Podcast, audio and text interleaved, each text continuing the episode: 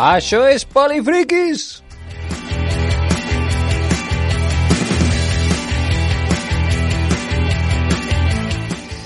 Benvingudes i benvinguts a la vostra cita setmanal a Ràdio Sant Cugat amb l'oci alternatiu, amb els jocs de rol, amb la fantasia, la ciència-ficció, els còmics, eh, els jocs de taula, totes aquestes que, coses que ens agraden a les friquis i als friquis i que com són moltíssimes i cada dia ens agrada repassar-les, eh, som els polifriquis i les polifriquis. I avui eh, tenim al nostre, al nostre costat no, perquè ja sabeu que estem amb limitacions aquí de, de gent que es pot eh, reunir en l'estudi de, de Ràdio Sant Cugat. De moment tenim des del celler de llibres el nostre llibreter boig, el gran Pablo Jiménez. Molt bona nit, Pablo. Hola, què tal? Com esteu? Tenim també des de la llunyana Osca eh, el nostre enginyer eh, mig ratpenat, eh, Marc Travé. Molt bona nit, Marc. Molt bona nit. I està a punt d'entrar en qualsevol moment el, el, el nostre... Eh, com es diu? Eh, ai, en, qui, qui és el que fa el Millan? És allò... Ar arque, arqueòleg. El, arqueòleg. El nostre arqueòleg polifriqui, el Millan Mozota, que segur que ens porta alguna cosa de Savage Gold, però serà una mica més més endavant. Eh, I el, el control tècnic, el Pablo del Canto. Molt bona nit, Pablo. Hola, molt bona nit. I qui us parla, l'Andrés Palomino, disposat a comentar un munt de cosetes, entre elles la, el, el, el famós Snyder Cut, que portem molt de hype i portem molts dies, però no serà, espereu-vos, espereu-vos, serà d'aquí una estoneta. Estem fent aquí una mica de ai, ai, ai, què passarà, què passarà? Començarem, com sempre, per la literatura.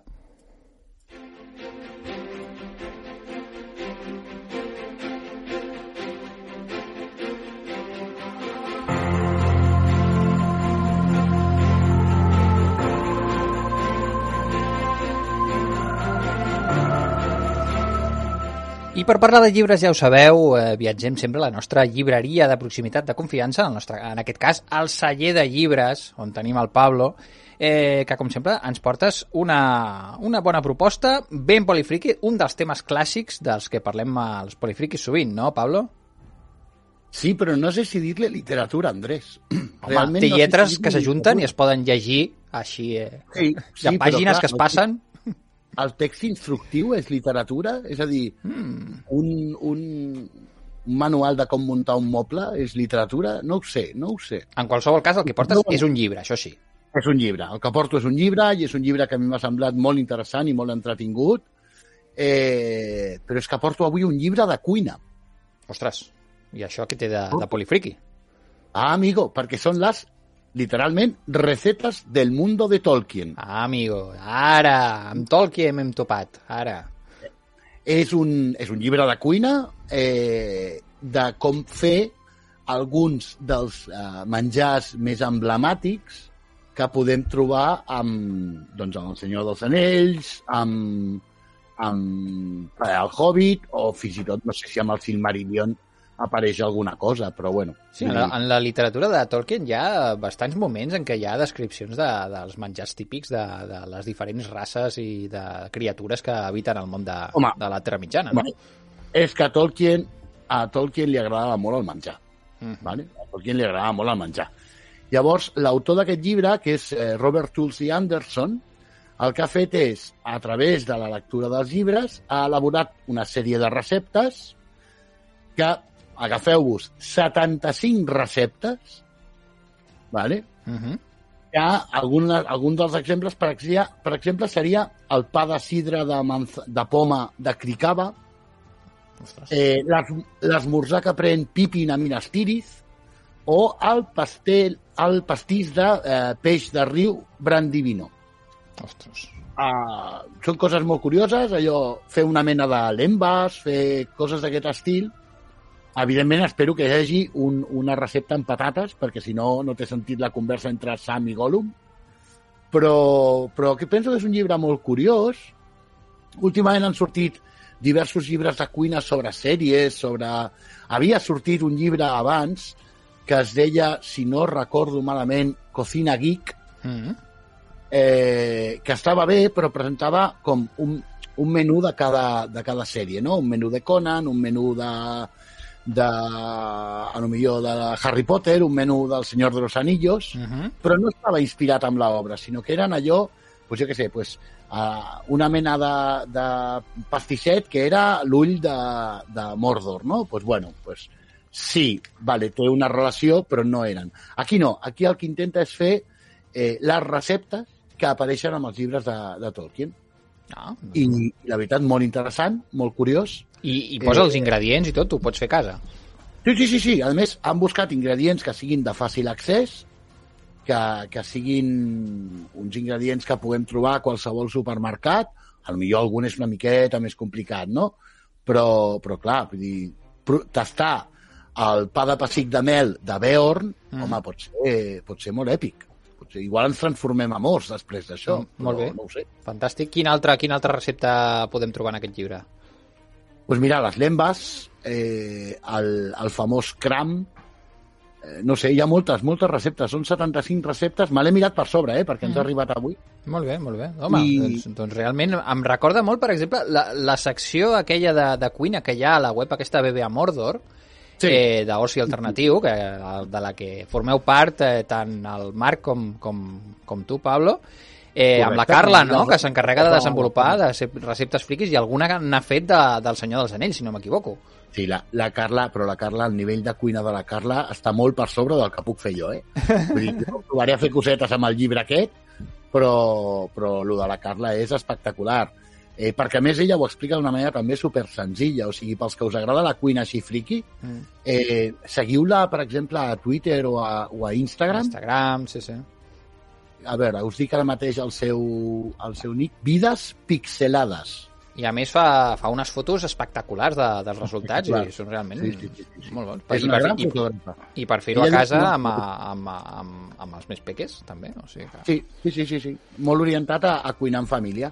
O sigui que molt recomanable. De fet, acaba de treure una recepta que li demanaré que me la deixi posar al, a la llibreria com a recepta de Sant Jordi, perquè és com fer eh, uns entrepans llibres que queden la mar de, de macos i de xulos Uh -huh. i per fer un, un berenar literari, per exemple. O sigui, llibres eh, menjables i fets per nosaltres. Molt bé. Sí, i a més senzills de fer, eh? vull dir, fàcils de fer. Sí, sí, he vist alguna foto bastant, bastant espectacular. Doncs ja ho sabeu, si voleu veure les, les receptes friquis de, de la Carla, eh, podeu entrar a bbamordor.com i, i fer-li una ullada, que en té moltes. Està a la mar de bé. Doncs molt I, bé, com... evidentment, segui- I, evidentment, Andrés, seguir-la a xarxes, I tant. eh, a Instagram i a, i a Twitter, com a Vides Pixelades. Un petó des d'aquí a, la, a la Carla, ja, ja, ja, que el, ja que el tenim aquí. Eh, doncs com que acaba d'entrar per la porta eh, el Millán Mozota... Hola. Eh, hola, què tal, Millán? Bona bé. nit, com estàs? Ben, Descansa, descansa, sí. per, però no descansis gaire perquè tens una sintonia i ens expliques alguna cosa de Savage World, vale? Endavant, Paulo, vinga, fota-li.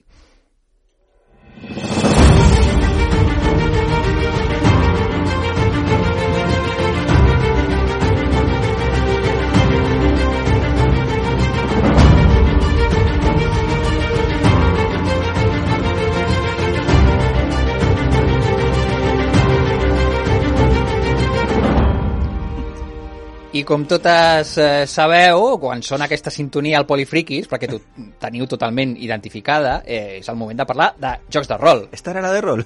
No ho sé. A veure, la veritat és que no ho sé, però es, es veu que sí. Sí, és la d'arròs. Ca- Cada vegada que diguem aquest extinto, dius el mateix, eh? Ja ho sabeu, que el, eh. Millán i a mi ens sonen totes iguals i no, no Otra sabem cana diferenciar. para los Pablos, otra marca en el cinturón. Sí.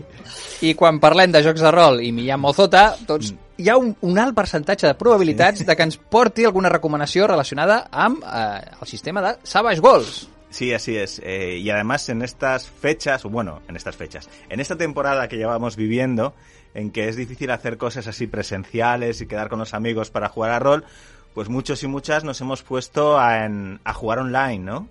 A jugar a juegos de mesa eh, con el Tabletop Simulator y a jugar pues eh, con los eh, que llaman los ingleses Virtual Tabletop, o sea, tableros virtuales, Sí. a jugar a rol. Y en uno de esos tableros como de los más importantes, que es Roll20, Que n'hem parlat moltes vegades Sí. aquí a Polifriquis. que es con dos L's, roll20.com, Eh, pues en este está hace poco, ah, no recuerdo exactamente, pero hace una o dos semanas, han publicado por fin la versión oficial de las regles i los materials de Savage World. O sigui, tu pots tenir un escriptori virtual per jugar online amb, altra, amb altra gent i allà estan les regles del joc de rol de, de, de Savage World. Sí, además están como implementadas para que esté ya como mecanizado, que tú solo tengas que darle a botones. Eh, me explico, eh, tú tienes una hoja de personaje, pero no es ya un PDF, no es un texto en el que ves unos dados y tal y tienes que buscar y tirar el dado, sino que vas a tener el, el dado así dibujado, con, puesto con letra, dado de 8, Mm. como un botón. Y entonces tú ya le das a ese botón, que puede ser de una habilidad, de un atributo, para hacer las acciones, le das a este botón y ya el sistema te saca el resultado. Incluso lo puedes comparar con una dificultad o con... Bueno, están todas las reglas del, del sistema de juego. Implementadas, que le dicen, ¿no? Metidas dentro de, de ese escritorio virtual, de ese tablero virtual para jugar a rol. Em, hay entonces todas las cosas que son así como más propias de Savage World, que lo hacen así un juego un poco original, como es el tema de usar una baraja de póker, ¿no? Para la iniciativa y para algunas cosas más. Eh, para decidir cuándo actúas cuando hay una escena de acción. O una cosa que se llama el mazo de aventura, que son unas cartas que son lo tienen los jugadores en vez del máster y es para fastidiar al máster básicamente. Que el mazo de aventura lo que te dice es una carta que la puedes jugar en cualquier momento. Cada jugador recibe una o varias al principio de la sesión y eh, puede ser que le salva de un peligro o que introduce un giro en la trama o que te cambia algo. Jan, jo no crec que sigui això per fastiguejar el màster, home. Jo crec que No, és al contrari, és per- Introduir elements a la història. Per promoure la creativitat del, del nostre Ai, màster. clar que sí. Presenta un, un desafiament al, al, al màster, però, però home, no. sí home, yo lo decía quan así fem a tu sí ¿eh? que és una mica... Quan t'ho fem a tu sí que ho fem una mica per emprenyar, eh? Però, però normalment no és per això. ¿Y qué iba a decir yo? Ah, eso, que ese mazo de aventuras con el que los jugadores pueden eh, introducir así novedades y hacer como la partida más dinámica, pues está también digitalizado y integrado en el sistema. Todo, todo lo que sería propio de, de World, lo que hace especial los, los dados que explotan, es decir, que si sacas, eh, un, tiras un dado de seis caras, sacas un 6, Ja explica-ho això, perquè aquí Sí. ja pot semblar perillós, això. Si no es un dado que explote literalmente, es que si sacas el resultado máximo de ese dado, un dado de seis caras, un 6, entonces lo vuelves a tirar y sumas al resultado. Y eso hace que en Savage Wall a veces pasen cosas pues, como muy inesperadas, eh, porque se sale de la estadística, digamos, ¿no? El resultado que puede salir. Eh, pues eso, todo eso está implementado en el sistema de juego. No es gratuito. Ah, ara ¿de això acuerdo? t'anava a preguntar. Això costa diners? És gratis? No. No, eh, no es gratuito. Eh, Cuesta una cantidad de dinero variable en función de lo que te quieras gastar. Hay como eh, el sistema más básico, el ampliado con los mazos y con otros detalles, y ya el super ampliado con todas las pequeñas cositas como los eh, tokens, que son... eh, pues eh, eso, tokens, eh, pequeñas piezas, en este caso virtuales, dibujos, miniaturas virtuales que representan a los personajes en el tablero virtual. Eh, bueno, un montón de pequeñas cositas. Al final es entra entre veintipocos dólares y unos 40 dólares, si te lo compras todo. Eh, en lo que sí es gratuito es Roll20. Y en Roll20 tú puedes encontrar también muchas herramientas similares hechas por fans, que son gratuitas. Pero no tienen el soporte oficial, no están como tan pulidas. Funcionan igualmente, nosotros hemos jugado durante mucho tiempo con las versiones fan gratuitas porque no había soporte oficial. Sí. Eh, pero, claro, el- yo ya en cuanto salió me compré. Que raro, que, que estrany que tu eh, te compris alguna cosa relacionada amb Savage World. Molt bé, molt bé. Doncs molt bé, ja ho sabeu, si, Sí. si sou usuaris usuàries eh, d'aquesta plataforma virtual per jugar online a jocs de rol, eh, que Roll20, sería la, un- la única de las importantes, digamos, o las que están más en boga, como pueden ser Fantasy Grounds o Foundry. E- Esta de Roll20 era la única que todavía no tenía un buen soporte de Savage World, porque las otras no hemos hablado de ellas, pero sí lo tienen. Ah, ostres, això ja, ja, ja, Sí. llavors ja hi havia versió oficial per jugar Mm, online sí. a Savage World, eh, ja en altres plataformes. Molt bé, però en qualsevol cas Roll20 és una de les plataformes eh, Mm, més importants. més importants i que més es fa servir, que més jugadores i jugadors a, a plega.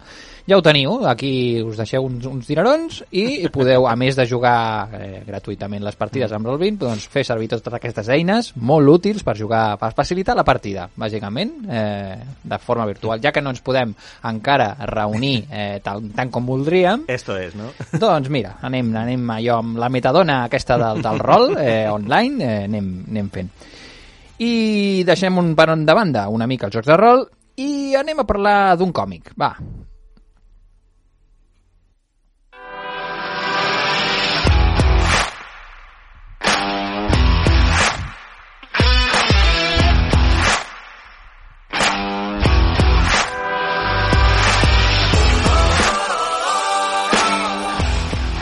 La segona recomanació del dia, que ens arriba des del celler de llibres, és un còmic.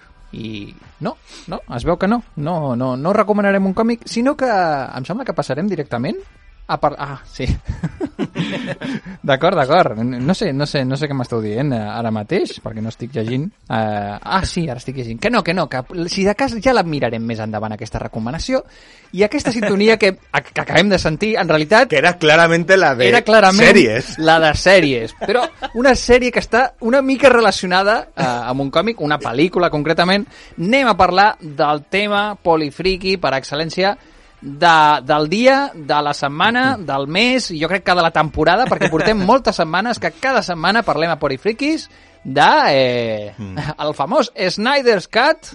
Se le calientan las orejillas sí, al señor Snyder. La fantasia humida de, del senyor Zack Snyder, que després de molts anys de molt, està molt enfadat i molt emprenyat i, i, i promovent eh, que els fans eh, li reclamaven aquest, eh, aquesta versió seva de la Lliga de la Justícia, que estava molt mal feta perquè la va fer, la va acabar Joss Whedon i no la va acabar com jo volia, eh, doncs finalment HBO eh, eh, Max, mm. aquesta plataforma eh, de streaming, ha publicat per fi eh, la versió íntegra, refeta i amb materials afegits i, i de tot, i, bah, i personatges i no sé quantes coses més d'aquest Snyder's Cut de 4 hores aquesta sessió meravellosa i qui, el nostre representant, que ja l'ha vista, sencera íntegrament, alguns eh, hem vist alguna part, jo particularment el tràiler, i, i ho peinaré.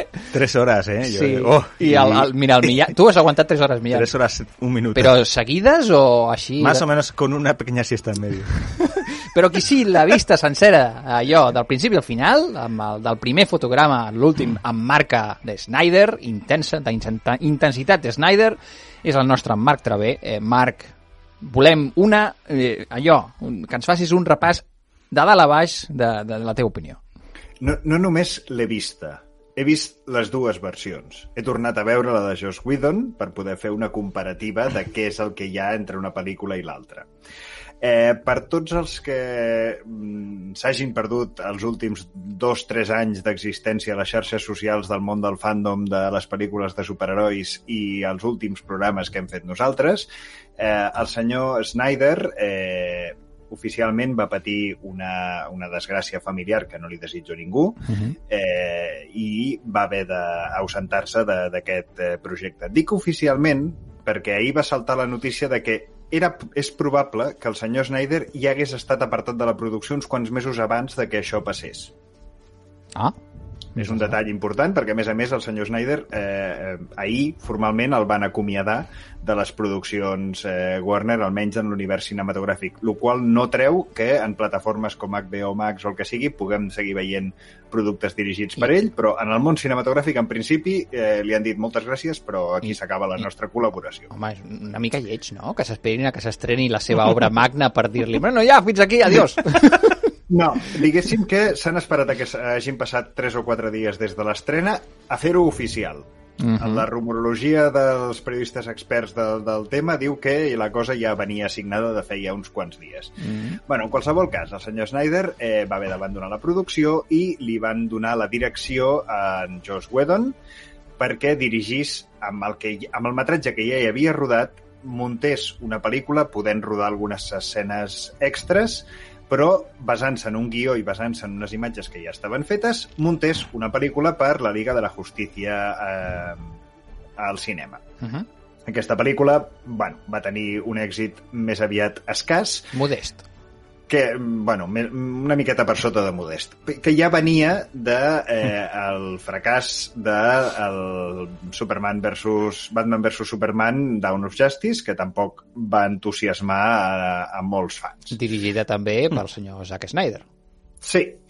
I el senyor Zack Snyder, en lloc de dir, eh, miri, el senyor Whedon va tenir un problema amb el fet d'haver de lidiar amb els directius de Warner demanant coses absolutament incongruents per intentar pal·liar els efectes negatius de l'anterior pel·lícula i assegurar aquest, aquest tiro, que, eh, com ja he defensat moltíssimes vegades, no en tenen ni idea a l'hora de muntar un univers cinematogràfic com si va fer Marvel. Uh -huh. eh, en lloc de dir, bueno, doncs va fer una visió d'una pel·lícula que no coincideix amb la meva, eh, va dir que no, que era nefasta, horrible, tal. Clar, llavors, jo d'entrada el que espero de, de la pel·lícula del senyor Snyder és una fita històrica en el, en, en, en el cinema, un abans i un després al cinema. Mm. Espero una banda sonora memorable digna dels millors moments de John Williams, eh, una fotografia de Ciudadano Kane, un nivell de guió i desenvolupament de personatges dignes de l'Hombre Tranquilo... I que les 4 hores es passin volant i que em passin volant les 4 hores i que la, els efectes especials siguin dignes de Jurassic Park en el seu moment o Star Wars. I és així? Eh, què et trobes? Et trobes una banda sonora completament anodina, correcta però que no és memorable en cap moment, una fotografia que dona diversos moments que són de pòster, que són allò de dir, mm. hosti, són fantàstics, allò, mm, treus el metratge i dius, sí, estan molt bé, una pel·lícula molt fosca, molt més fosca, eliminen tots un... els acudits que havia fet el, en Josh Whedon. En la fotografía, déjame que intervenga, un abuso absoluto de filtros, sobre todo de filtros fríos, pero a un abuso brutal. Sí, sí, sí, como por ejemplo el traje de, de, Superman que tenía que ser negro, que luego se ven imágenes del rodaje de Zack Snyder que de negro las narices, és un filtro posterior, però bueno. Clar, bueno, aquest, eh... aquest és una cosa que també compartia amb, amb, amb pel·lícules anteriors de Zack Snyder, com ara la versió de El hombre de acero, aquesta mm. versió de Superman, que també ho té això, eh? és, mm, molt, sí. és molt en plan de filtro de Photoshop aquí, mm. fosc, i, quan podia ser perfectament brillant i, i, i lluminós. Clar Sí que és veritat que durant la pel·lícula, clar, com que té 4 hores, eh, durant la pel·lícula hi han coses que en la versió anterior quedaven més mal explicades, que en aquest cas queden molt millor... Eh, a veure, a veure, més a veure és, com, exemple... és, és, que, és que només faltava que ha fet una pel·lícula de 4 hores, si no queden explicades les coses en 4 hores, és que, a veure, quin mèrit és aquest? Al final, aviam, la, la, aviam. el mèrit és explicar-ho en dues hores ben explicat, dic Ojo, jo. Queden millor explicades coses com les cajas madres, queden molt més desenvolupats personatges com Flash o personatges com Cyborg, que tinguem en compte que quan en Joss Whedon va muntar la pel·lícula, igual que hi havia la de Wonder Woman ja havia sortit i estava prevista la segona i estava prevista la d'Aquaman que hem vistes, eh, el senyor Whedon comptava amb que hi hauria una pel·lícula de Flash i hi hauria una pel·lícula de Cyborg. Vull dir, això igual condiciona una miqueta la seva visió i el seu muntatge dient, bueno, com que tinc dues hores per fer la pel·lícula, perquè tinc dues hores, eh, bueno, doncs haig de retallar per alguna banda, retallo per aquesta, per aquesta banda. Vull dir que part de les crítiques del, del senyor Snyder, mm, fins a quin punt tenia llibertat de creativa en Whedon, ja ho veurem. Uh, independentment d'això, uh, els guions, la història ve a ser la mateixa, Vull dir, és exactament la mateixa. Mi Clar, miracles a Lourdes, em sembla. Molts dels plans, òbviament, són els mateixos, muntats de manera diferent, alguns eh, més extesos. Però més extesos vol dir que, per exemple, hi ha una escena de Wonder Woman que és fantàstica, que està molt més eh, detallada, amb uns plans que queden molt millor, però després tens, cap al principi de la pel·lícula, un moment d'en Bruce Wayne anant a buscar Aquaman, mm. que a la pel·lícula de Joss Whedon són mm, 15 segons de eh, en Bruce Wayne amb un cavall carenant una muntanya nevada, eh, després posant-se de peu en un precipici i després entrant a la taverna, mm. i en la versió d'en Whedon són aproximadament un minut i mig d'en Bruce Wayne eh, amb una música absolutament tètrica, amb un to molt fosc i que fa molt fred, eh, pujant tota la muntanya que dius, i això què t'ha portat a la pel·lícula? Absolutament res. I la canció de la vikinga. Clar, després tens una, un, una, un acomiadament de, de Jason Momoa amb una cançó viking, amb una cançó rotllo viking que dius, m'acabes de colar 40 segons aquí que tampoc m'han aportat res i a més a més m'han tallat el ritme d'una manera salvatge. La pel·lícula és completament seriosa, completament intensa, completament mm. profunda i completament èpica tota l'estona. Clar, sí. després de quatre hores ni resulta seriosa, ni resulta profunda, ni resulta èpica, ni resulta... Mm, vull dir, no, no, mm. no té. Arriba un moment que la intensitat Casi agradeces, agradeces cuando aparece un poco Flash y hace alguna tontería, porque sí. relaja un poco el ambiente, que dices, basta ya, que se saquen... Pero que, que se relajen un poco. Pero es que además los cuatro gags relativamente divertidos que funcionaban muy bien en la película de Josh Whedon, como por ejemplo Aquaman siendo sensible eh, porque está encima del lazo de la verdad, pues eso lo quitamos y ponemos unos chistes que no tienen ningún tipo de sentido. Es aquello de mm, estás queriendo ser gracioso y no lo eres. Hay un moment... A veure, hi ha l'anunci de Mercedes, que està clar, que apareix... Sí, por todos i- lados. Ah, i, molt bé. i apareix a les dues, però Exacte. hi ha una escena absolutament còmica de lo patètica que és, que és eh, O de Aquaman. O sigui, el salt de l'Aquaman a, a l'aigua, allò amb tot... Això sí, jo li haig d'admetre que el Jason Momoa té una capacitat actoral de pose hieràtica brutal, perquè li estan fotent una quantitat d'aigua freda i sin pestañear. Jo estaria arrugant la cara tota l'estona, però bueno eh, el, el, té un moment de saltar que li han posat una música diferent. Han allargat, clar, evidentment, han allargat totes les escenes fins a nivells eh, absolutament innecessaris i a- al mitja pel·lícula t'incorporen la publicitat. És a dir, Ah. et posen un anunci de colònia, que no et diuen la marca, a menys sé que Jack Daniels sigui una, sigui una marca de colònia, però vull dir, ten- tens un moment d'aquell d'agafar i dir eh, i això a què ha vingut? Molt bé. A banda de que els dos directors comparteixen una fixació que a mi mm, em resulta relativament incoherent. És a dir, jo entenc que en Jason Momoa és una espècie d'Adonis andando i, i entenc que està molt bo i entenc que mola molt veure'l sense samarreta. Però si t'has de tirar l'aigua amb botes mitjons, texans i calçotets, una samarreta de cotó pràcticament semitransparent no et molestarà molt més. Però bueno, independentment d'això, que eh, Jason Momoa per mi eh, probablement és de lo milloret de la pel·lícula, perquè fins i tot li afegeixen una escena, això sí, cap al final li afegeixen una escena que dignifica bastant el, el personatge d'Aquaman. És a dir, hi han píldores, hi han trossets que realment dius, ah, doncs han estat bé. Mm. Però en conjunt és una pel·lícula de 4 hores que, igual que la d'en Joss Whedon, no és una bona pel·lícula. Mm. A més a més, ha fet trampes al solitari perquè dius, mm, si tu fas una pel·lícula de 4 hores amb els directius de la Warner penjats al clatell com tenia tothom en aquell moment, no t'ho haurien deixat fer i a més a més hauria sigut un absolut fracàs de taquilla, estic convençudíssim, No, clar. perquè a la que haguessin entrat els primers haguessin dit no paga la pena i no hi haurien anat. No, per és tant, que, no hauria és que no, no, no hi hauria hagut sales que ho haguessin ensenyat, perquè pel·lícules de 4 hores, com les programes, et carregues la programació del cinema directament.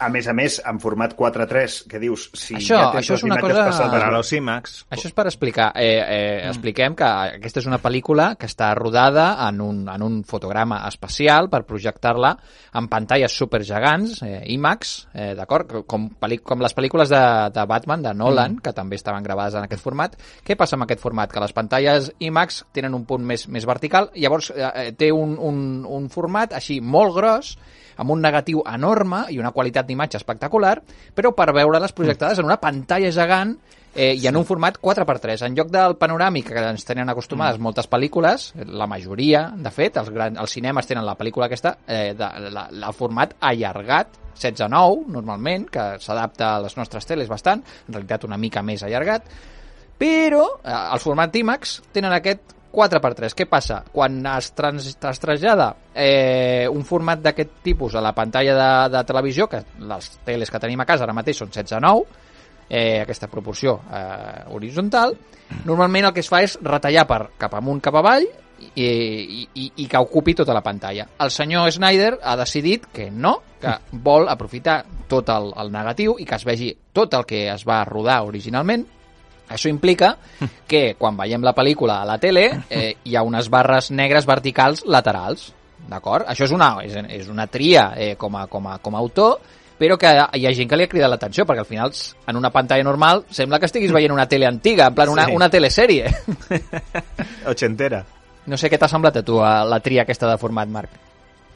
Uh, pretensiosa en tots els aspectes com la majoria dels aspectes del, del metratge, és a dir, em sembla única i exclusivament el jo em trec la- l'espineta de fer el que em dóna la gana però, però em permeto el luxe de dir que és que mm, ho estic fent perquè és un art, soc un artista i, i, soc un, i, i per mi ara hi afegiria artista incomprès, almenys en el meu, en el meu, en el meu punt de vista. Eh, la millor valoració...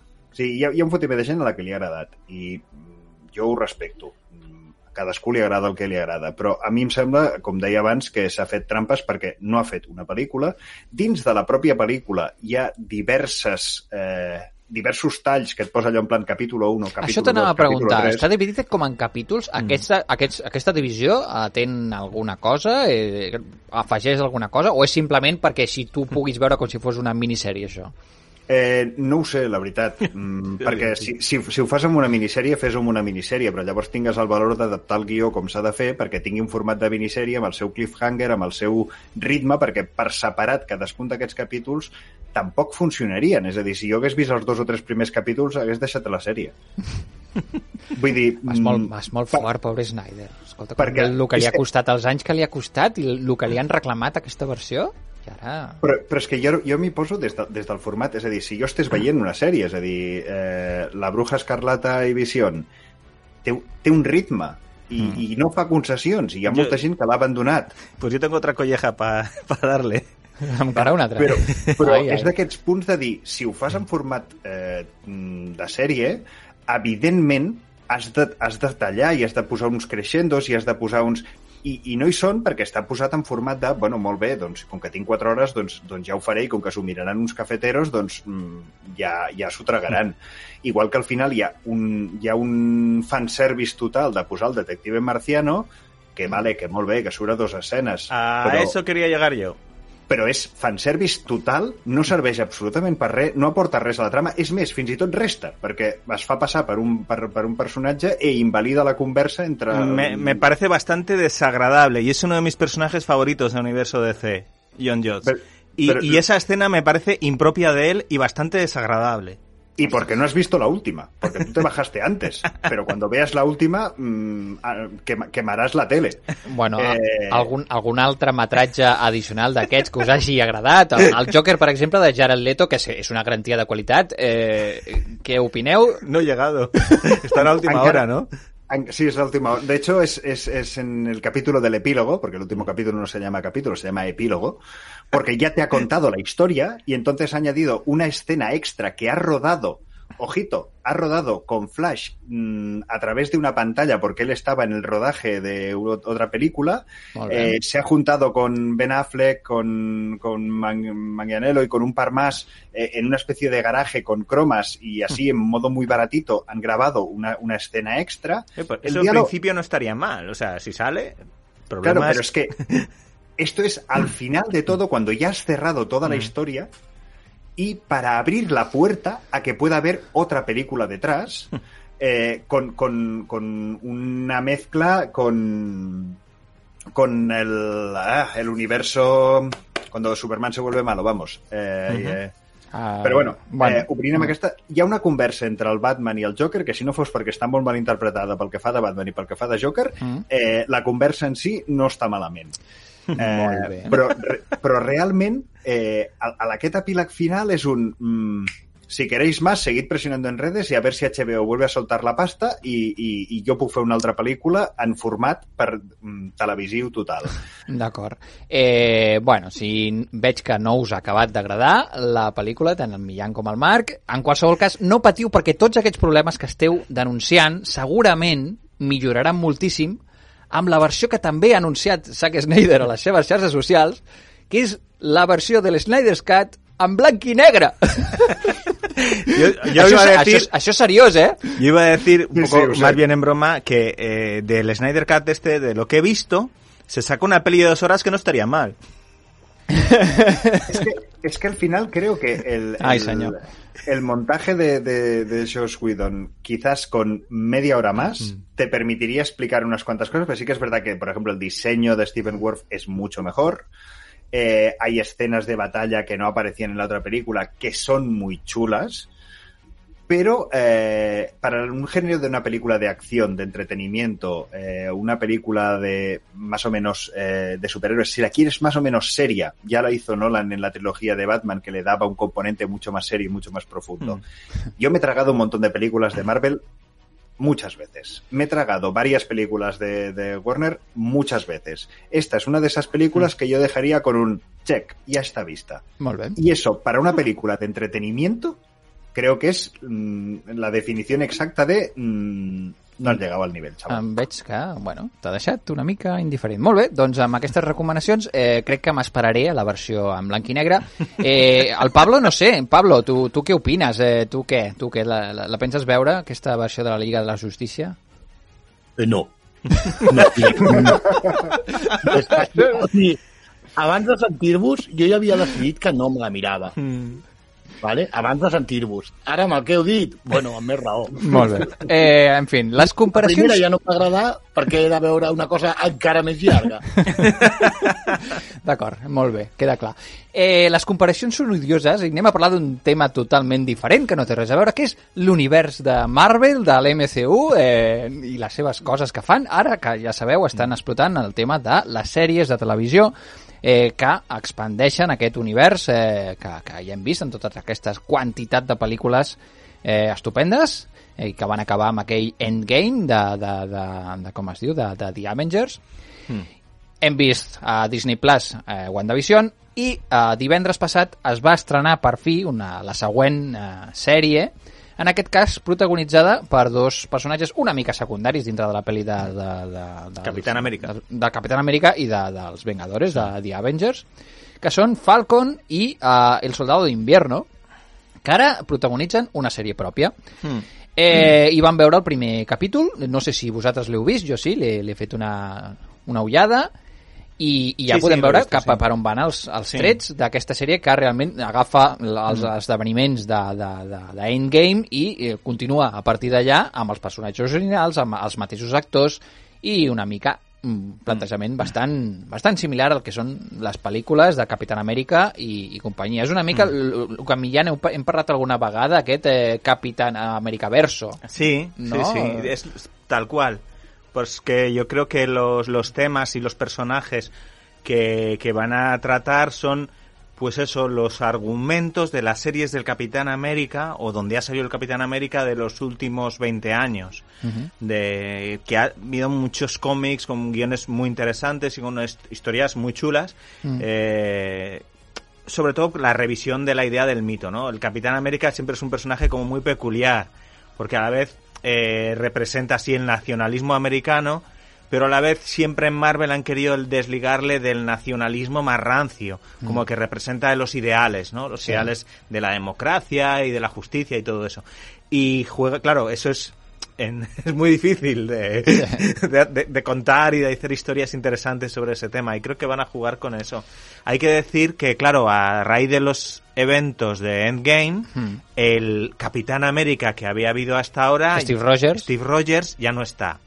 Correcte. No, no explicaremos, bueno, ya no está. El fet és que Steve Rogers Sí. entrega el seu escut, Sí. aquesta icona, Mm. aquest eh, escut d'un metall, eh, d'un metall estrany, que, Sí. que és el, com es diu, el, el vibranium. Eh, vibranium, sí. vibranium, decir eh, adamantium, pero no. No, no, no és adamantium, és vibranium. es totalmente Eh, distinto. L'entrega a Falcon perquè ocupi Mm. el, seu, el seu lloc i Sí. segueixi pues, fent ell de Capitán Amèrica. Doncs la sèrie eh, reprèn eh, aquest moment i ens mostra un Falcon que eh, decideix que a, aquell escut pesa massa per ell i que no està preparat per assumir aquesta responsabilitat i de fet lo, el que fa al principi de, de, del primer capítol de, de la sèrie és entregar l'escut Sí. per, perquè formi part d'un museu en honor al Capitán Amèrica. Mm. Eh, I a partir d'aquí doncs, comencen a passar coses. Veiem que eh, els dos protagonistes, eh, per una banda, Falcon està col·laborant amb l'exèrcit dels Estats Units fent una sèrie de missions eh, a països around the world, eh, aquestes coses que fan els americans, d'anar a puestos a resoldre coses que potser no, no hi tenien a veure o tenien interessos, però sí, està el Falcon por ahí, fent missions eh, de, per l'exèrcit. I per altra banda tenim eh, el soldado d'invierno aquest eh, Bucky, mm. aquest company del Capitán Amèrica, que en, a les pel·lícules va tenir una fase, pues, va ser una mica un, un dolent, eh, havia pues, tingut uns, uns problemes, havia, pass havia passat eh, eh, per un... l'havien capturat i l'havien convertit en un soldat per, per matar, programat per matar, i els esdeveniments de les pel·lícules han fet que doncs, eh, li perdonessin els seus crims i eh, el veiem a la sèrie com anant a una, una, una psicòloga que li està fent un seguiment per veure què tal està portant-se per, per tota aquesta redempció com a ciutadà normal.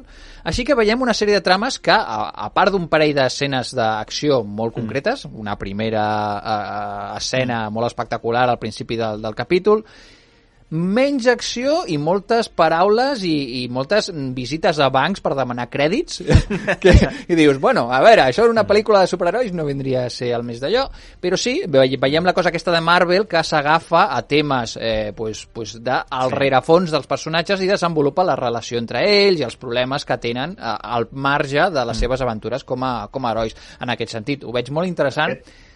L'escena del banc eh, respon una d'aquelles magnífiques preguntes, no? De, de, de què viu un superheroi? Eh, de Tony Stark o de Bruce Wayne, segons l'univers en el que estiguis. Sí, correcte, correcte.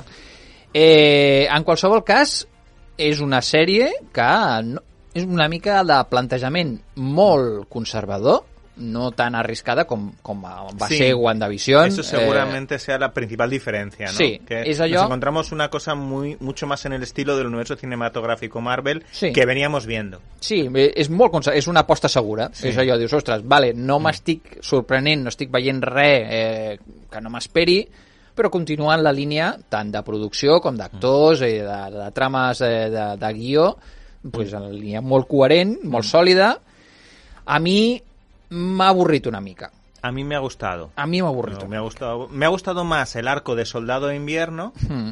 que el de mm, Falcon. El de Falcon me pareció un poco más, si quieres, tópico, incluso el personaje un poco más estereotípico, ¿no? Cuando vuelve a, a su pueblo y Sí. quiere salvar el negocio familiar. Sí, sí. Y entonces, el de Falcon es como más original, eh, perdón, sí, el de Soldado de Invierno, Sí, sí, sí. el de Bucky es como más original y, y es un personaje con más contradicciones, Sí. más así torturado, es más interesante.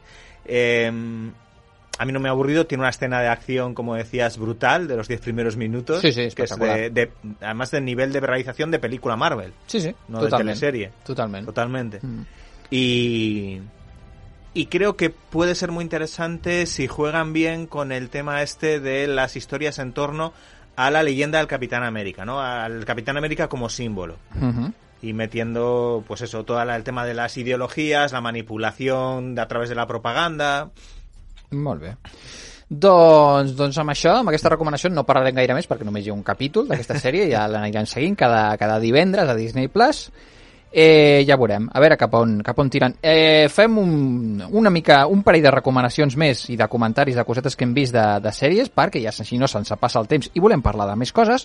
Millán, ens volies parlar eh, de... Això no, no sé què és, no sé si és una pel·lícula o si és un... Es un anime, una temporada de anime. Pacific Rim The. Black. The Black. Bueno, Pacific Rim sabéis que es una, una franquicia de Sí, ¿no? entretenimiento con dos películas de cine, ¿no? Eh, muy potentes sobre mechas o mechas o robots gigantes. No son robots, antes de que lo diga. Eh, Gracias por autocorregirte. sino que son vehículos humanoides gigantes, ¿no? Pilotados. Que son pilotados, son vehículos, no son robots. Bueno, pues estos robots gigantes, como decía, eh, de, que luchan contra kaijus, ¿no? Contra esos monstruos gigantes del cine japonés como es Godzilla, ¿no? Que es un, un kaiju. Eh, esta cosa tan espectacular, Caillou no, no era un conte per nens? kaiju. Ah, vale, Caillou, perdó. eh, que ha dado esas dos, dos películas, ahora se ha convertido en una, en una serie de animación de la cual hay una primera temporada en Netflix. Es de animación para adultos, ¿vale? Es, eh, pone a partir de 12 años. Yo diría que a un niño de 12 años mejor no se la pongan. Sí. empiecen eh, por lo menos a los 14 o 15, porque es bastante oscura. Es una serie así como más posapocalíptica Mm. y más de supervivientes y con personajes que son muy malos. Y también hay, por supuesto, los buenos. eh, pero hay así como historias bastante chungas. Y muy, muy espectacular, con, aprovechando a, tra- a través del dibujo, de la animación, para hacer esos robots gigantes, Mm. eh, esas luchas increíbles contra los kaijus, con explosiones, con eventos apocalípticos. está muy bien. La historia sigue. Es muy en la línea de, de las películas de Pacific Rim, o sea, coge dos personajes que son eh, pues, que adolescentes, eh, jóvenes adolescentes, que eh, han perdido a sus padres, que eran pilotos de mecha. Ah, clar, molt bé. Y ellos son hermanos y, y como son hermanos también se pueden sincronizar para pilotar juntos uno de estos vehículos eh, robot gigante, ¿no? O sea, muy... Una apuesta muy innovadora. Sí, no vist mai, això, eh, el. Sí, sí. Sí, y, y a partir de, de esa premisa, pues es cuando ya te meten el hachazo y ves que no va a ser una serie tan heroica o tan blanca, sino que los personajes meten la pata, meten la pata mucho, muere gente, se sienten muy culpables con razón porque tienen la culpa de que muere mucha gente y a partir de ahí van evolucionando y tienen, se ven enfrentados a, a un montón de, de, cosas que, bueno, que les van pasando y que está muy bien. Eh, uno de los guionistas, ahora no recuerdo el nombre, mm. que creo que le, le da mucha mucho juego a los personajes. Es uno de los guionistas que ha estado en el. Es el guionista de Thor Ragnarok. Mm, ah, mira. Y, y, también es un guionista de cómic del universo Marvel. Y también ha participado en un montón de, de, películas de animación Marvel. Y le da una profundidad, una humanidad a los personajes que, que creo que está muy bien. Mm, pues molt bé, amb aquesta recomanació de, de Pacific Rim, si us van agradar les pel·lícules... Pacific Rim de Black. De Black, de Black. si us van agradar les pel·lícules de Pacific Rim, que estaven dirigides per Guillermo del Toro... Diria que sí. Sí, no? Sí. Almenys la primera, mm. la segona no sé, però la primera que segur que sí. Mm. Amb aquest univers de, de kaijus, mm. i robots, gegants que no són robots, eh, ens quedem. I acabem amb, amb el cinema i les sèries amb una, una notícia molt curteta, que m'agrada molt i tancant una miqueta el tema de, de l'Snyder's Cut i aquesta, aquesta versió d'una pel·lícula anterior, volia eh, aprofitar i fer una menció, jo crec que s'ha obert la veda per recuperar tot tipus de pel·lícules de, el, el, allò, el, el tall del director eh, de, de moltíssimes pel·lícules que són clàssics i que s'han de, de reafirmar aquestes, aquestes versions desaparegudes.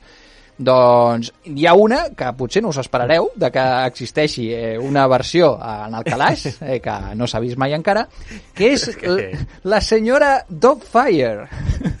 atenció, atenció Però a la notícia. falta? O sea, sí, sí, sí. Necessari? sí, sí. Un, un, moment, un moment, que si aquesta versió la fa el senyor Zack Snyder, Podi la senyora Podia ser molt intensa i amb un filtre així molt comença- fosc, eh, podia ser... comença en un psiquiàtric. Sí, sí, és que, podria, és que potser no, no riuríem. Mira que és difícil no riure amb la senyora Doubtfire, eh? però segurament seria un, un, un Robin Williams superintens, allò, xon, xon, xon, la cara de Jared de, de por recuperar els meus fills, xon, xon, xon, xon, xon, i canviant en plan el Joker, allà. Eh, Va, aconse va aconseguir fer riure soldats a Vietnam, però no pot fer-nos riure amb aquesta pel·lícula. Ho veig, ho veig. En qualsevol cas, recordeu aquesta pel·lícula d'aquest home que es divorcia i que per poder seguir veient els seus fills eh, eh, pues es converteix, es maquilla i es converteix en una a, a, entranyable eh, eh, dona, eh, dona anglesa i que es converteix en la, en la niñera dels seus nens i així es pot veure. És, és una cosa molt curiosa, molt divertida, que només podria fer-se si protagonitzada per Robin Williams, realment aquest Sí. sí. a, a, actor realment increïble i amb grans dosis d'improvisació. Doncs resulta que fa uns dies, eh, a través de Twitter, el, el seu director, eh, el Chris Columbus, que és bueno, un director eh, molt conegut en pel·lícules com guionista de pel·lícules com Solo en casa, guionista de Gremlins, eh, de la primeres, les primeres entregues de Harry Potter, entre altres pel·lícules, eh, va revelar que eh, al marge de la pel·lícula que es va estrenar, la versió eh, que es va estrenar en cinemes de la senyora Doubtfire, existeixen altres versions.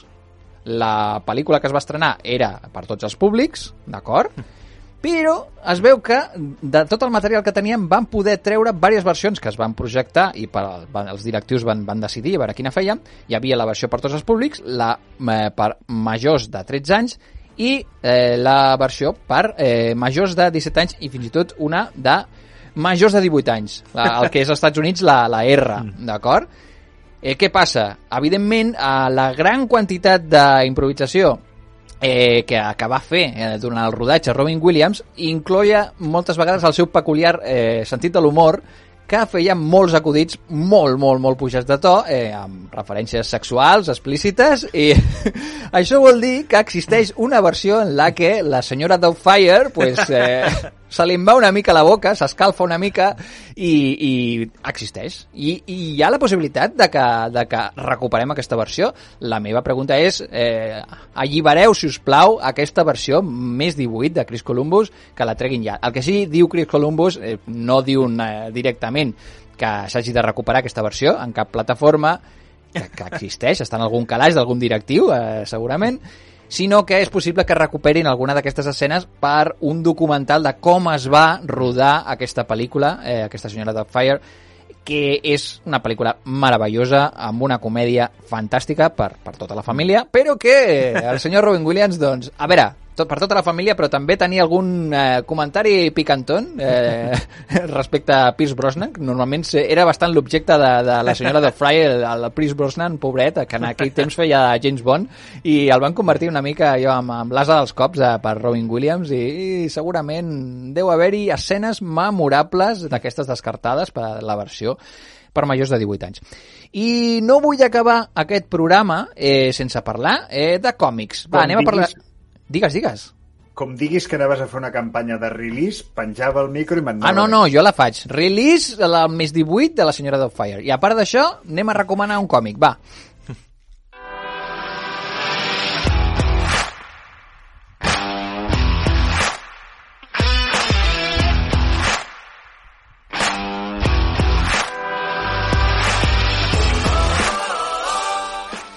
Eh, reconec, Pablo, que no tinc ni idea de què va el còmic que ens vols recomanar eh, ara mateix. M'encanta. Refugio. Ja m'has avançat, com a, com a mínim, em donarà ganes de reservar-te'l. Jo crec que sí, jo crec que sí. Si ets un ésser humà, sí. bueno, en aquest cas, bueno, posa, posa-ho en dubte, eh? Posa, però mira, va, vam, a veure, què és, què és aquest? Borg. Potser ets un Borg i no, no, no entres en això. Però bueno, jo us explico.